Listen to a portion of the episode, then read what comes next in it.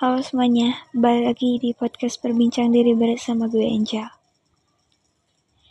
Pernah gak sih lo berap, berharap untuk mendapatkan pujian dari orang lain atau lo sekedar butuh validasi dari orang lain bahwa mungkin lo tuh bisa, mungkin lo tuh mampu, mungkin lo tuh cantik atau lo tuh ganteng, lo tuh udah baik, lo tuh cukup dan segala macamnya. Validasi sebenarnya ya namanya makhluk sosial pasti lo berharap untuk bisa diterima di lingkungan sosial lo. Lo diterima oleh orang-orang dan dihargai, direspek dan lo bisa menjadi bagian dari mereka dan diterima secara utuh. Kadang lo juga bisa ngelakuin sesuatu tuh sebenarnya tujuannya hanya untuk mendapatkan validasi. Karena ketika lo dapat validasi lo merasa senang diakui dan lo merasa bahwa apa yang orang lain katakan itu ya tentang diri lo. Tapi makin ke sini gue merasakan bahwa sebenarnya ketika gue memaknai tentang validasi ini, gue jadi capek sendiri jujur pertama. Karena gue berusaha untuk memenuhi ekspektasi orang lain. Dan orang lain didesain tidak untuk memenuhi ekspektasi kita. Dan berakhirlah pada konsep kekecewaan. Gue merasa selalu kurang ketika belum mendapatkan validasi bahwa itu sudah cukup baik, itu sudah baik dan gue merasa bahwa hal itu sangat membuat gue berpikir ulang tentang jati diri gue sendiri. Dan akhirnya gue menyadari bahwa validasi orang mungkin sangat berpengaruh untuk sebagian orang yang belum mengenal dirinya secara utuh. Kenapa gue bilang kayak gitu? Karena gini, gue menyadari bahwa opini orang lain, pendapat orang lain, itu tidak mendeskripsikan diri lo secara utuh dan secara jelas gitu. Karena sebenarnya lo tanpa opini-opini mereka ya tetap diri lo gitu. Semisal lo dikatain jelek sama orang lain. Dan opini orang lain tuh ya sekedar opini mereka saja jelek. Tapi itu nggak mendeskripsikan diri lo secara utuh kecuali lo mengiyakan bahwa opini orang tersebut benar lo jelek. Tapi ketika lo sadar lo baik lo cukup opini orang lain tuh gak akan ngebuat lo jadi jelek beneran. Dan gak akan mengurangi nilai lo ketika lo sudah tahu. Dan ketika lo tahu bahwa diri lo mampu, diri lo cukup, lo gak butuh validasi dari orang lain untuk hal itu. Karena lo tetap diri lo tanpa pengurangan nilai apa pun dari pendapat orang lain tersebut. Dan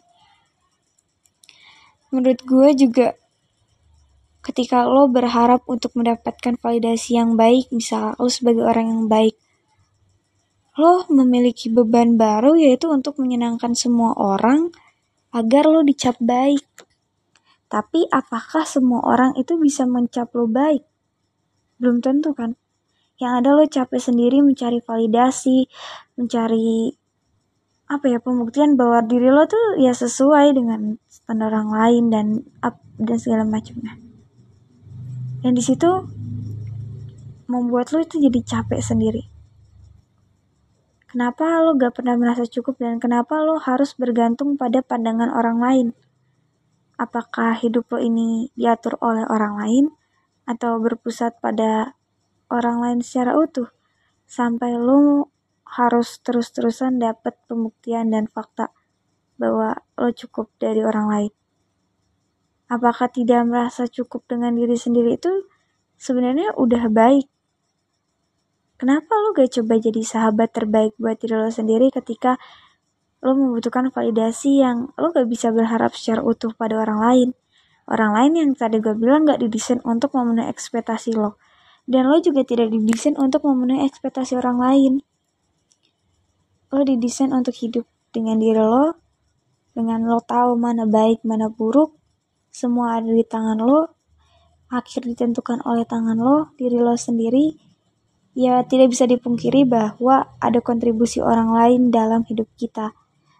Tapi untuk penentuan tujuan, cita-cita, harapan, keinginan, itu ada di diri lo juga. Dan emang lo mau capai kapan terus-terusan memenuhi ekspektasi orang lain dengan harus mendapatkan validasi dari orang-orang di sekitar lo secara terus-menerus. Ketika lo melakukan sesuatu dan tidak mendapatkan validasi, apa kalau ada semangat lagi untuk melakukannya? Kalau bukan untuk diri lo sendiri? Enggak kan? Mencapai kebahagiaan, mencapai keinginan dari sesuatu yang tidak bisa dikontrol itu yaitu pendapat orang, sudut pandang orang, apa perspektif mereka tentang kita. Itu beneran gak bisa kita kontrol secara utuh dan lo harus sadar bahwa itu bisa menguras energi lo, poten energi lo, dan waktu lo untuk memikirkan hal-hal yang gak bener dunia ini udah terlalu penuh dengan ricuh komentar-komentar yang gak perlu. Banyak orang yang mengetik, yang mengomentari, yang memberikan uh, ucapan, masukan, tanpa dipikirkan secara utuh.